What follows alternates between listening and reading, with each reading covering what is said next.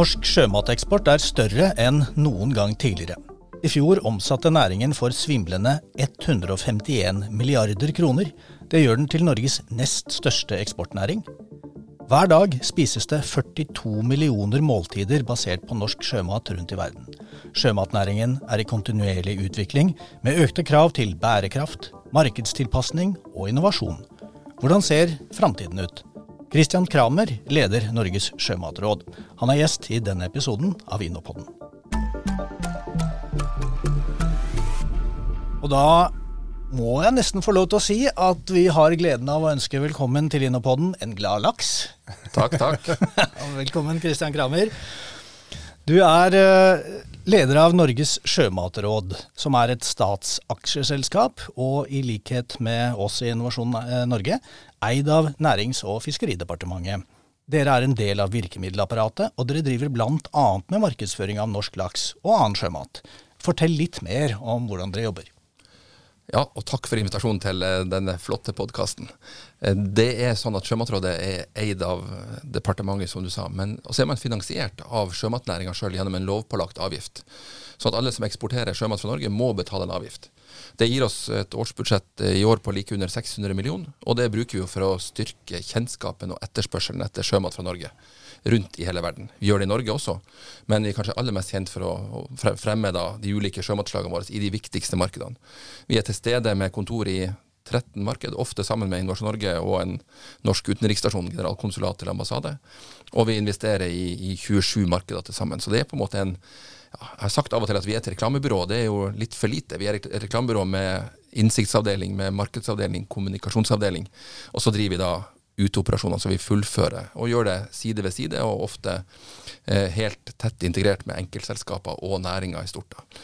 En eh, fantastisk eh, flott eh, jobb å få lov å gjøre på vegne av Norges nest viktigste eksportnæring. Og så eh, føles det litt som å spille med sånn landslagsdrakt på seg. Man er ute i verden og gjør en jobb for, eh, for noe som gir jobb og verdiskapning langs hele kysten vår, og for så vidt hele landet, også innlandet. Mm. Det gjør jo at dette her blir et sånt lite møte blant uh, virkemiddelaktørene, Håkon. ja, jeg er så glad bare for å ha nevnt det. ja. ja. Det er jeg kan ikke kalle deg en laks. Eksporten. Laks er jeg litt mer usikker på, men det er, eh, det er fantastisk um, det vi får til i Norge på sjømat, og viktig. Ja.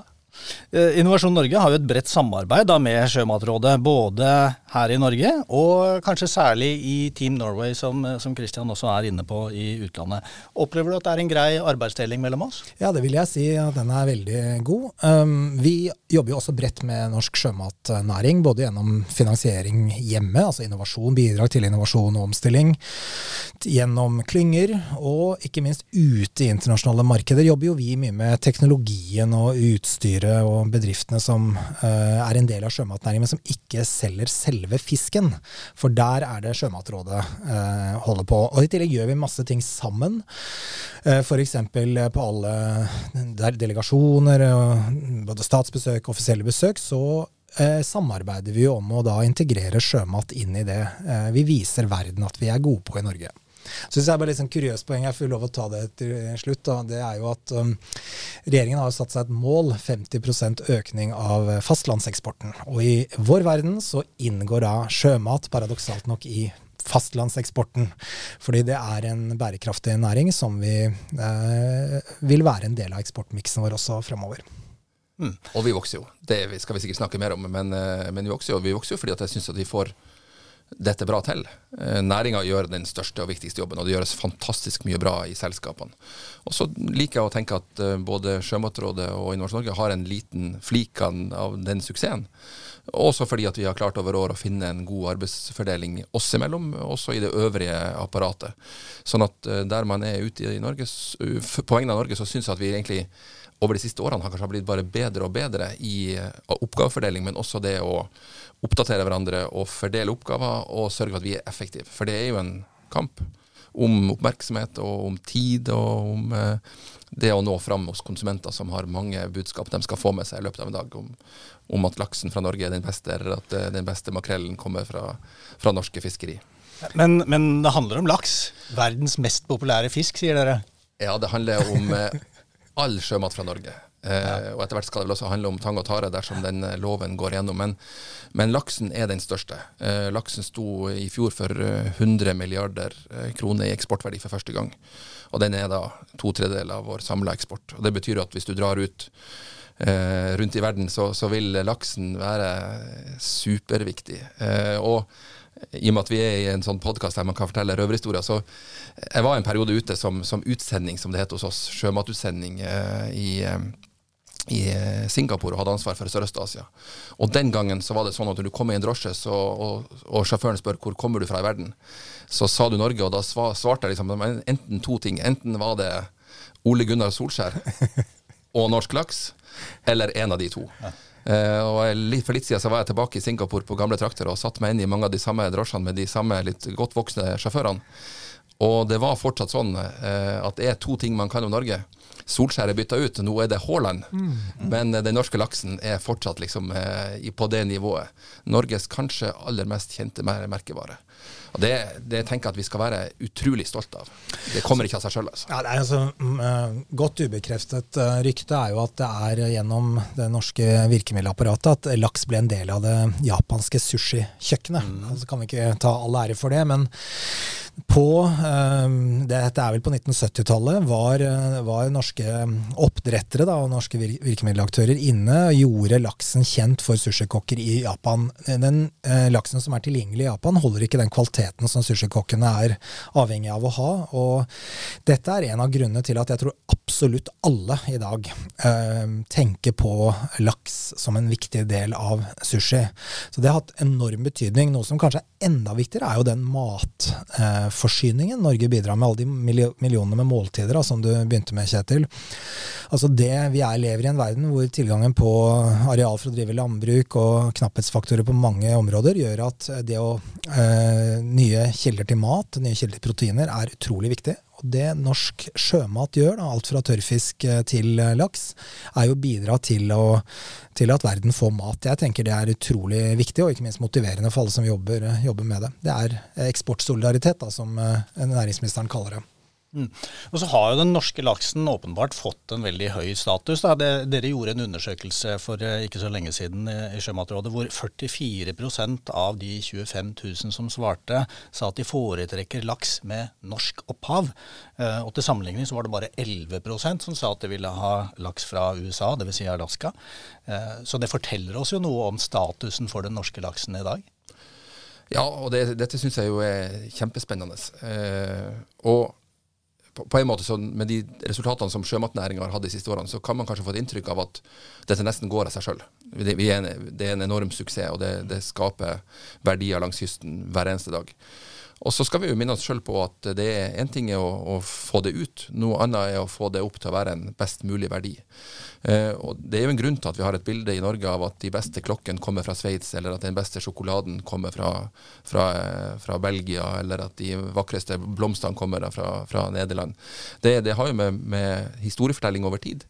Og det tenker jeg vel at eh, Der syns jeg at vi, vi to eh, her i rommet, altså Innovasjon Norge og Sjømatrådet, har en viktig rolle det er jo å bygge merkevarer fra Norge. Det å gjøre det kjent, og det å stå i noe over tid. Her har vi jo mye å gå på fortsatt.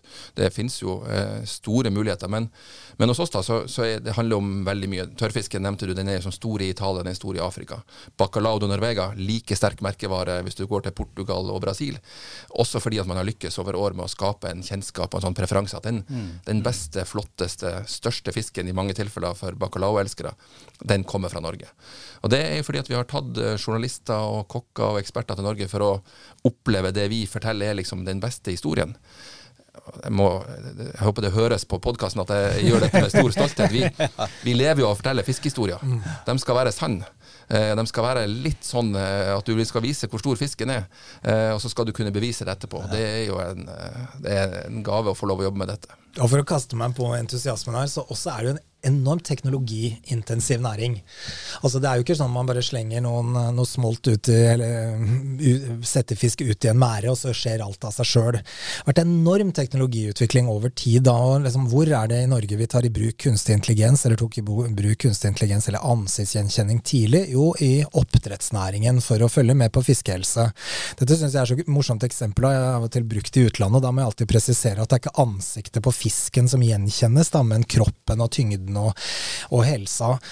På samme måte, enorm utvikling på mærer, altså størrelsen på mærer. De blir stadig mer avanserte, er stadig lenger ut fra land. Er, der bygger man jo på offshorekompetanse utviklet over lang tid i olje- og gassnæringen, som nå kommer inn i oppdrett osv. osv. For ikke snakke om bioingeniørsidene eh, ved dette, eh, bekjempelse av lakselus osv.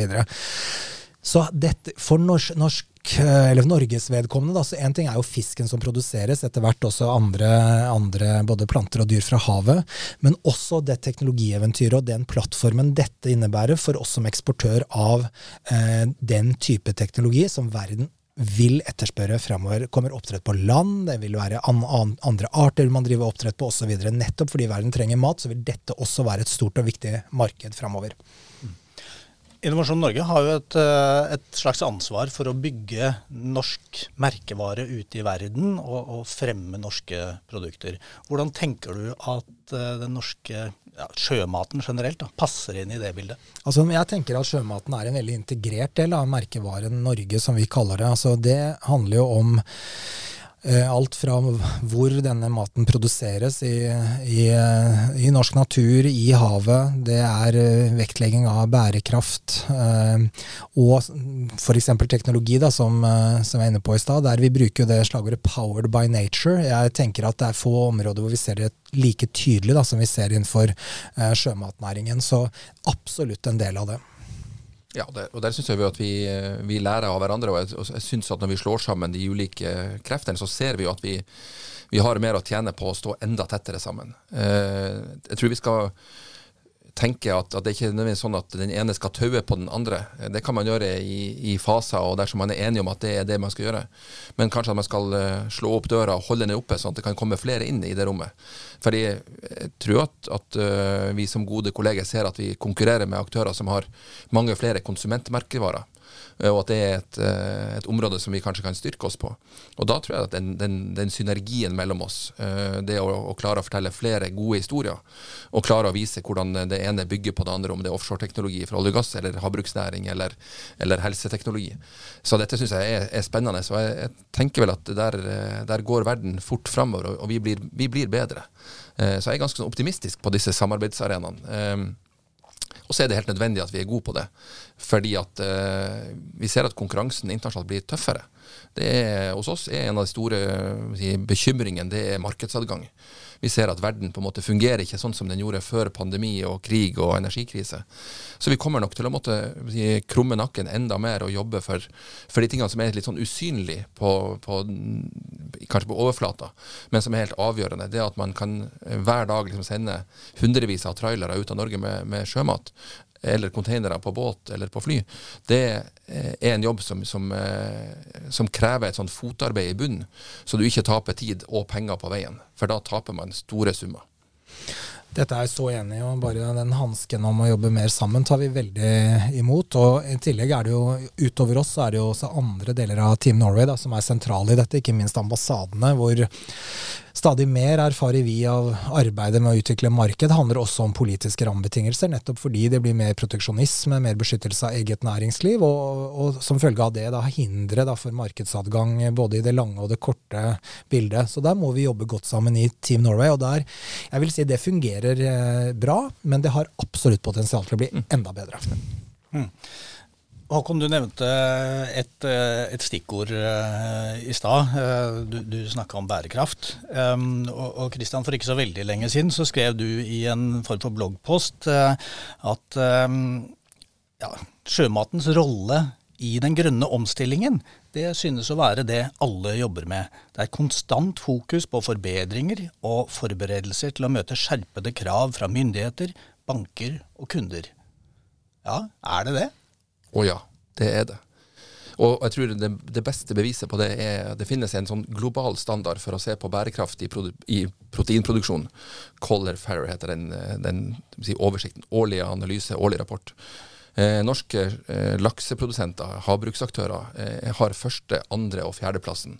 Movi, Lerøy og Grieg er de, de, tre toppselskapene, og det finnes flere lenger nedover. Eh, av alle verdens proteinprodusenter. Og Da er man jo oppe og, og, og header i feltet med de beste hodespillerne i verden. Eh, så her er det jo eh, jeg noe som, som, ligger helt sånn åpenbart. Og, og, det er jo, selv om dette etter hvert har blitt en kapitalsterk næring, så er det også en kapitalintensiv næring. Og jeg tror alle som jobber med, med Bank og finans vet at det skjerpes krav i taksonomi i EU, det skjerpes bankkrav for å få lån. Eh, man må rapportere til eiere på standarder og på, på, eh, på si krav. Og man har kunder som stiller eh, høye krav og forventninger både til det man har i dag og det man skal være i fremtida. Så jeg opplever at her er det ingen som har tid eller anledning til å sove i timen. Det jobbes knallhardt med dette, og man er veldig bevisst på at man har kritisk søkelys på, på, alle faser av av eh, arbeid, enten det er i fiskeri eller havbruksnæringa. Eh, så er det forbedringsrom. Det vil ellers hadde vi klart eh, si, 1,5-gradersmålet alle sammen. Mm. Men det her er det jo et arbeid over tid. Jeg tenker at Der er sjømatnæringa også svaret. For vi trenger den maten som Håkon starta med å snakke om. Vi trenger å øke produksjonen av, av mat fra havet. og da, da, må man lykkes med dette på selskapsnivå og på, på myndighetsnivå. Så ja, jeg står for det. det. Jeg opplever at dette snakkes om og jobbes med hver eneste dag. Dette er veldig gjenkjennelig også fra, fra, vårt ståsted. Jeg var for ikke så veldig lenge siden og besøkte eh, flere bedrifter egentlig i Nærøysund. Da, og Nærøysund og Bindal har man bl.a. Sinkaberg Hansen, som er en stor, uh, stor oppdretter og ikke minst et stort slakteri. Da. Og det er akkurat de tingene du tar opp nå. Da. Hvordan kan vi drive mer bærekraftig, ha en bedre fiskehelse og øke produksjonen, og samtidig drive mer videreforedling. Da. Det er en veldig viktig del av bærekraftsdimensjonen. Altså, mye av fisken i dag sendes ut som helt, en hel kropp, liksom, fiskekropp. Kan vi eh, filetere mer, bruke restråstoffet på en bærekraftig måte i Norge til produksjon av andre ting? Det var en veldig viktig diskusjon der. Det er en stor utfordring også i det store for Norge, da, å bidra til at vi har mer foredling. Der igjen kommer jo rammebetingelser for det inn i bildet, men det er potensial for å få til mer. Også tenke mer sirkulært og sirkulære produksjonskjeder. Og at noe av det som er avfall da, i én næring, i dette tilfellet sjømatnæringen, er en ressurs i andre næringer. Hvordan bygger vi dette såkalt industrielle symbiosene? Og her har jo vi en rolle, men ikke minst har jo da regionale og nasjonale myndigheter en rolle med å legge til rette for, for dette. Så jeg tror bare vi har sett begynnelsen egentlig av tilnærming, altså en helhetlig tilnærming til hele bioøkonomiområdet området. Dette tvinger seg fram nå, drevet av det du er inne på, Christian, med investorer stiller krav til det, men ansatte stiller krav til unge ja, mennesker vil jobbe i virksomheter som er bærekraftige. Og ikke minst så vil finansieringsinstitusjonene, investorene og kundene stille krav om det når produktene kommer på deres, så må man spore tilbake helt der det kommer fra. Så summa summarum var mye å si på en gang. Men her i hvert fall, alt dette trekker i samme retning. Norge har et fabelaktig utgangspunkt, men vi har jammen meg en stor jobb å gjøre foran oss også. Mm.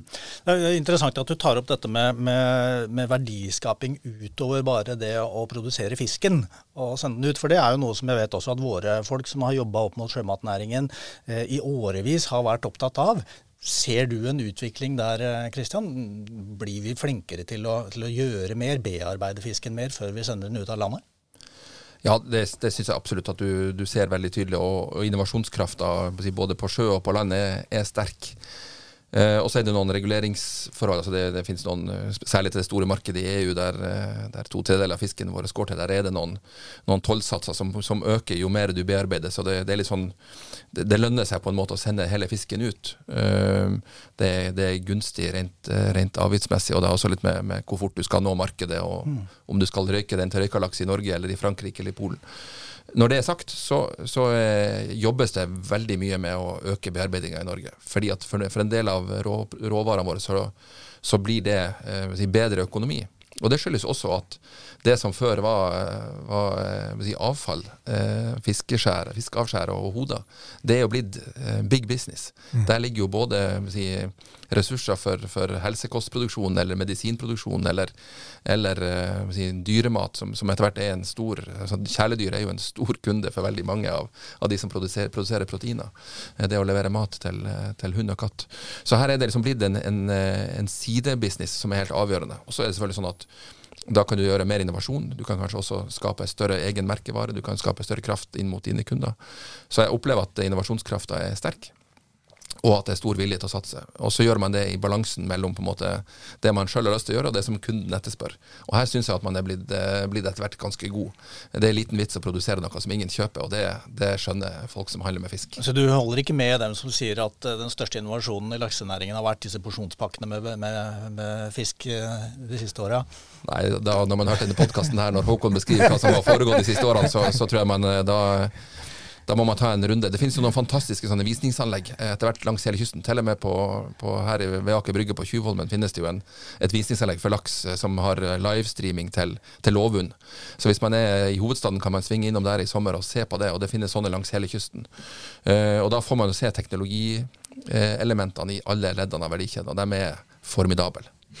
Men tilbake til disse pakkene også. er litt verdt å ta en liten snutt på det også. fordi dette er jo kanskje verdens mest eksklusive eh, produkt som vi bringer fram. Og det er mulig da, for eh, visse kundesegmenter å selge dette til en høyere pris enn det vi gjør i dag. Og det at vi eksporterer så mye fisk i tonn, og ikke i liksom eh, som hva skal vi si, eh, laksens hva skal si, Gucci eller merke, jeg vet dårlig på merkevarer, men lage gode merkevarer rundt det, er fortsatt en, en, en mulighet da, som sjømatnæringen ikke helt uh, enda utnytter. Og jeg tror det er liksom todelt grunn til det. Da. Det ene er at det går bra med sjømatnæringen, så man har ikke det presset på seg for å innhente den liksom ekstra marginen. Og det andre, og da tillater jeg meg å gå litt ut på eh, risikofylt eh, areal her, men vi er jo i Norge, da. Dette er liksom ikke det norskeste sporten eh, i verden er å være kommersielle. Vi er veldig sånn produksjonsorienterte, har sterke industrielle miljøer, er kjempegode på alt som handler om selve produktet. Mindre gode, vil jeg si, gjennomgående på salg, markedsføring, merkevarebygging, og, og liksom syns det kan være litt sånn fluff på toppen men i realiteten betyr det jo veldig mye for en produsent om fisken selges til 400 kroner eh, for 200 gram, eller for 50 kroner for 200 gram. Det har stor betydning for deres langsiktige lønnsomhet. Så betyr det ikke selvfølgelig at all fisk skal selges i det segmentet, men noe kan selges der. Så her har vi også en jobb å gjøre, og dette er typisk også noe vi kan samarbeide om, vi og Sjømatrådet, men hvor jeg tenker også en del uh, sjømatselskaper etter hvert vil komme på banen da, og, og, og jobbe veldig mye mer systematisk med dem. Og så er det viktig å si at det er mange unntak. Altså, og jeg er selv storkonsument av laks, og vel, gleder meg veldig av disse porsjonspakkene som har kommet. ja. Og gleder meg til det kommer skjell og tang og tare og alt det andre som vil komme. Men jeg, jeg tror vi, vi, kommer dit. og Hadde du spurt meg liksom, hvor, hvor ligger vi hen, hvor mye kan vi vokse når, du, når vi vet at vi Hvis du går syv år tilbake, var vi på 75 milliarder, nå er vi på 150. Så vi har dobla på, på, syv år. Ja. Hvor mye mer kan man liksom utvide dette? Eh, og da er det to, to, forhold. Det ene er jo liksom eh, havet bestemmer kvoten og hvor mye fisk vi kan fiske. Og så er det på en måte teknologien og vår evne til å håndtere biologien som, som eh, bestemmer hvor mye vi kan drive på med havbruk. Men i, i, det rommet, da, så er jeg helt overbevist om at den veien du peker på, Håkon, den kommer vi til å gå. Mm. Vi kommer på, på alle våre produkter om noen år til å være i en situasjon der, der det har så stor verdi, fordi folk trenger mat. Verden etterspør kvalitet, og vi kan levere si, alle artene i Norge kan vi levere på et nivå der man vil være villig til å betale mer. Så jeg, er veldig trygg på at liksom, eh, gi oss de rammevilkårene vi trenger, gi oss det rommet for å jobbe sammen i virkemiddelapparatet, gi oss det rommet for å få til de løsningene som skal på plass i bunnen, altså handelsadgang, markedsadgangen. Så kommer dette til å være en, en vei som vi kan fortsette å gå. Men det skal jobbes. Mm. Eh, det skal gjøres gode avklaringer, og det skal samarbeides. Men, men, jeg mener at vi er der, og jeg tror at vi har alle forutsetninger for å fortsette den eventyrlige veksten eh, på sjømatsida i Norge. Og Da er du inne på, på, noe av det som jeg hadde tenkt å spørre deg om. Nemlig, hva, hva, ser du for deg framover? Hvor er mulighetene for sjømatnæringen for å øke eksporten og eksportinntektene? Ja, det, De er så mange, men, men, hvis jeg gjør det veldig enkelt å holde liksom den røde tråden i samtalen, det er jo å sikre at vi er tett på kundene våre. Og Da det, har vi vært inne på bærekraft, og at uh, både ansatte og, og, kjøpere av sjømat uh, er like, mer, like, mye med å drive den kravsettinga som bank og, og, og myndigheter. Uh, går man den veien så, så, og lytter til kundene, så, så, kan vi på en måte fortsette og fortsette. så det er vi nødt til. Vi må være tett på markedene. og så må vi være innovative. Vi må se om det er områder vi kan eh, si, skape nye forretningsområder på. Og så må vi fortsette å tro på at eh, den beste sjømaten kommer fra Norge, og det gjør den jo. Eh, så den gode fiskehistorien den må vi fortelle med overbevisning i alle anledninger, og sørge for at vi jobber godt sammen. Ja, Akkurat denne fiskehistorien her, den nærmer seg for så vidt slutten. Men, men uh, nå var du litt inne på dette med, med, rammebetingelsene. og Vi skal ikke rote oss inn i å snakke om uh, lakseskatt og, og, den slags. Men, men, jeg har bare lyst til å høre med deg, siden du, du, bruker ordet innovasjon en del. Hvilke innovatører er inspirerende for deg? Ja, Det har jeg tenkt litt på i det siste. Uh, og jeg, jeg har en bakgrunn i sjømatnæringa og har en bakgrunn i, i NHO-familien. Og det betyr at jeg har reist masse rundt i Norge og møtt folk som skaper bedrifter. Jeg tror jeg skal si at jeg, jeg har grunnleggende respekt for alle som, som, skaper arbeidsplasser.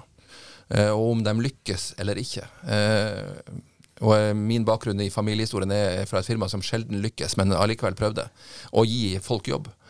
Så, så, min grunnleggende respekt er for alle som risikerer hus og hjem eh, og familie av og til for å skape jobb. Og ut av det vokser det jo også innovasjon, og der vokser det suksesser. Men vi er jo aller mest avhengig av at veldig mange tenker at man har en idé, man har et produkt eller en, en, en, mulighet som man ønsker å utnytte, og så satser man på å få noe til. Enten det er der det bor to stykker i bygd, eller der det bor 100 000 i en by. Men at man vil noe, det, de har jeg stor respekt for. Veldig bra. Dette er musikk i våre ører også. Vi trenger jo mange flere av de som gjør akkurat dette som du beskriver nå. Det kan vi si Fra vårt ståsted Innovasjon Norge så er vi akkurat nå litt urolige, faktisk. For eh, nå tenker jeg det store, da, litt uavhengig av sjømatnæringen, men um, vi ser noen nedbremsingstendenser. Altså færre som starter egen bedrift, og færre som uttrykker i spørreundersøkelser at de ønsker å gjøre det. Litt redusert etterspørsel etter uh, våre verktøy, og også redusert søknad på entreprenørskapslinjer på universiteter og høyskoler, for å nevne noe, da. Og det er jo uh, kanskje bare tidlige indikasjoner. Kanskje går det ikke sånn likevel, men vi har i hvert fall som samfunn Eh, helt avhengig av disse innovatørene som tar risiko, etablerer egen virksomhet og skaper arbeidsplasser. Så det er utrolig viktig at vi har et system og rammebetingelser som gjør det attraktivt og, og mulig. Vi tar med oss det som en slags eh, oppfordring her på slutten av denne utgaven av InnoPodden. Innopoden. Takk til Christian Kramer, leder i Sjømatrådet, og takk til Håkon Haugli, administrerende direktør i Innovasjon Norge. Mitt navn er Kjetil Svorkmo Bergman. Vi høres igjen i Innopoden.